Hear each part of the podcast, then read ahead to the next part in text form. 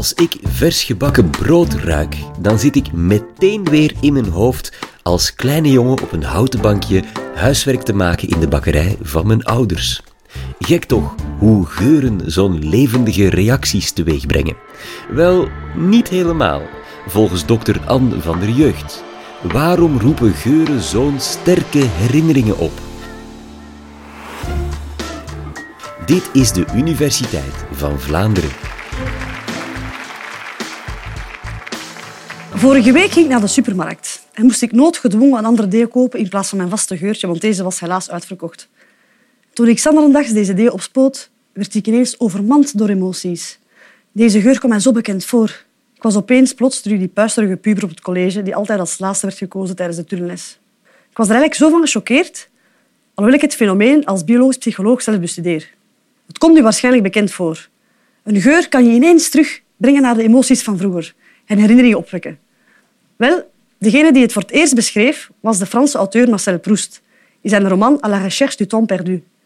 Daarin beschrijft hij hoe het hoofdpersonage aan een lindenbloesemcakeje ruikt en ineens wordt naar zijn jeugd teruggecatapulteerd. Alle herinneringen komen terug van vroeger, tot in de kleinste details, in alle geuren en kleuren. Daarom wordt dit effect ook het Proust-effect genoemd. Intuïtief begreep de auteur wat onderzoekers pas decennia later zouden ontdekken. Dat de geurzin een directe link heeft naar de hersenen. En voornamelijk die gebieden die instaan voor emoties en herinneringen. Maar hoe komt dit in feite? Daarvoor moeten we gaan kijken naar wat er inderdaad gebeurt in de hersenen. Ons brein bestaat voornamelijk uit drie gebieden. Het reptiele brein, het rationele brein en het emotionele brein. Het reptiele brein is, zoals het zelf zegt, het oudste brein. Het bestaat voornamelijk uit de hersenstam. Het is 500 miljoen jaar oud en het richt zich op impulsen in de omgeving. Het houdt zich voornamelijk bezig met drie zaken. Waar kom ik aan eten? Voor wie ben ik een prooi en met wie kan ik paren? Daarnaast is er ook het limbische systeem. Dat krijgt alle zintuigelijke informatie binnen vanuit onze omgeving. En tot slot is er het rationele brein, of de neocortex, zoals het zelf zegt, het jongste brein. Dat stelt ons in staat om te praten, te lezen en te handelen. Intelligentie eigenlijk. Ons limbische systeem bestaat uit verschillende hersenstructuren die instaan voor emoties, genot, geheugen en motivatie. Onder deze structuur bevinden zich er twee belangrijke, namelijk de hippocampus en de amygdala.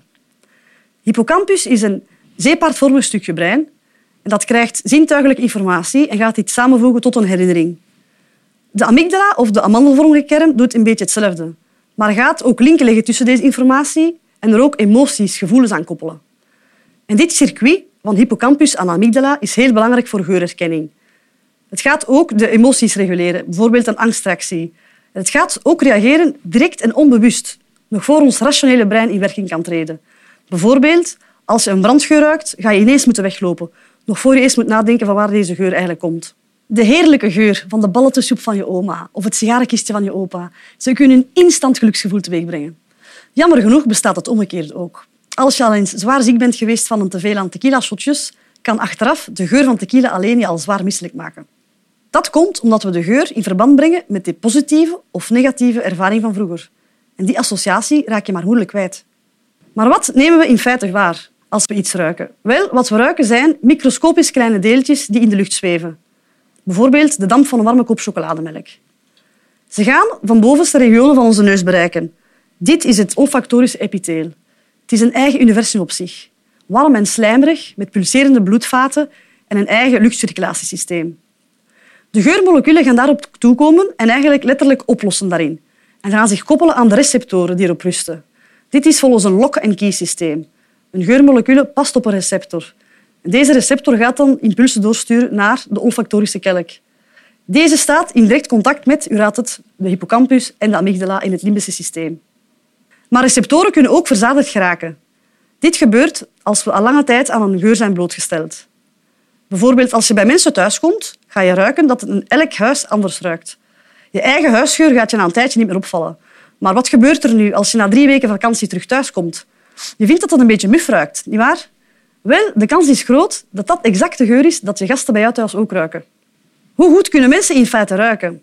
Wel, mensen hebben ongeveer 30 miljoen reukcellen. Een herdershond heeft er maar liefst 2 miljard. Daar kunnen mensen dus nooit aan typen.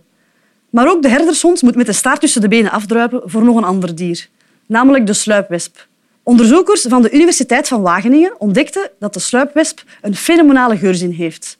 Hij kan van op kilometers afstand biologische wapens ruiken, chemische wapens, drugs, vervuilde bodems en zelfs wanneer mensen ziek zijn, vooraleer deze mensen weten dat ze ziek zijn. Wat is nu het nut van zo goed te kunnen ruiken in feite? Wel, dat zou een evolutionair voordeel bieden.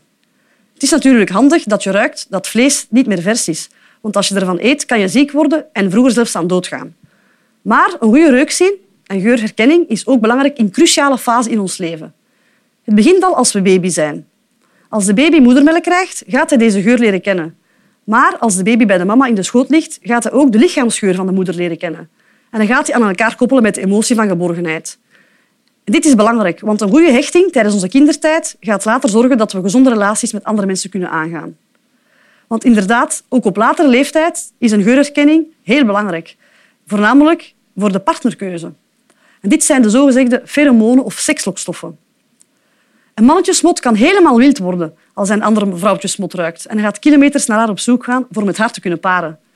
Maar ook bij mensen spelen pheromonen een belangrijke rol, bij de partnerkeuze namelijk. We doen dat eigenlijk onbewust. We stoten constant pheromonen af. Dit gebeurt in onze lichaamsappen zoals speeksel, maar ook zweet. Het kan dus zijn dat jouw lichaamszweet letterlijk andere mensen gaat aantrekken of afstoten. Het gebeurt inderdaad onbewust, maar het kan wel je gedrag beïnvloeden.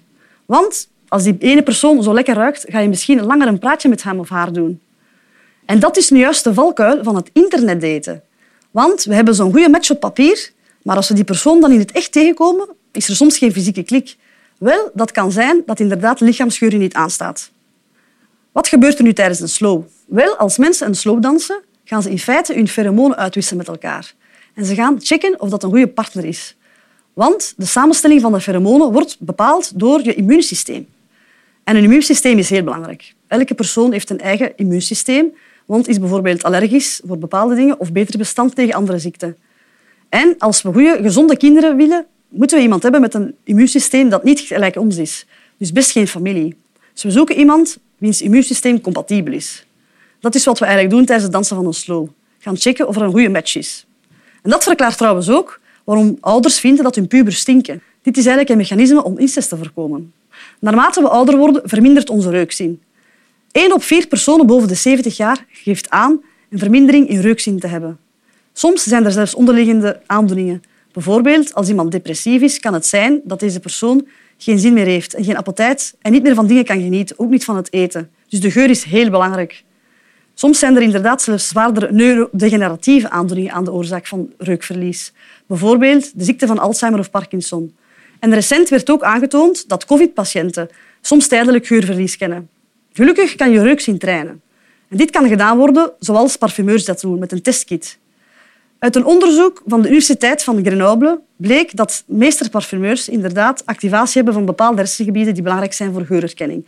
Namelijk het olfactorische centrum, maar ook het limbische systeem. En ze zien inderdaad een toename in de rechterpiriforme cortex in dit gebied van activatie en ook in de hippocampus is er een toename van activatie. En dit is parallel met de jarenlange expertise. En hoe meer expertise iemand heeft, hoe sterker deze activatie is. En binnen de expertengroep zelf was er zelfs een structurele toename van volume van deze structuren. Het wil dus zeggen dat een deskundige olfactorische training zelfs de structuur van je hersenen kan veranderen. Conclusie. Waarom brengen geuren zo'n sterke herinneringen teweeg? Wel, andere zintuigen moeten eerst via de thalamus gaan, een omwegje. Maar de reukzin gaat rechtstreeks naar die gebieden die instaan voor emoties en herinneringen, het limbische systeem.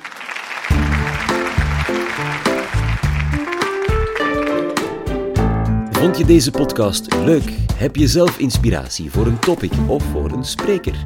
Laat het ons allemaal weten via info.universiteitvanvlaanderen.be. Heel welkom daar of bij een volgende podcast.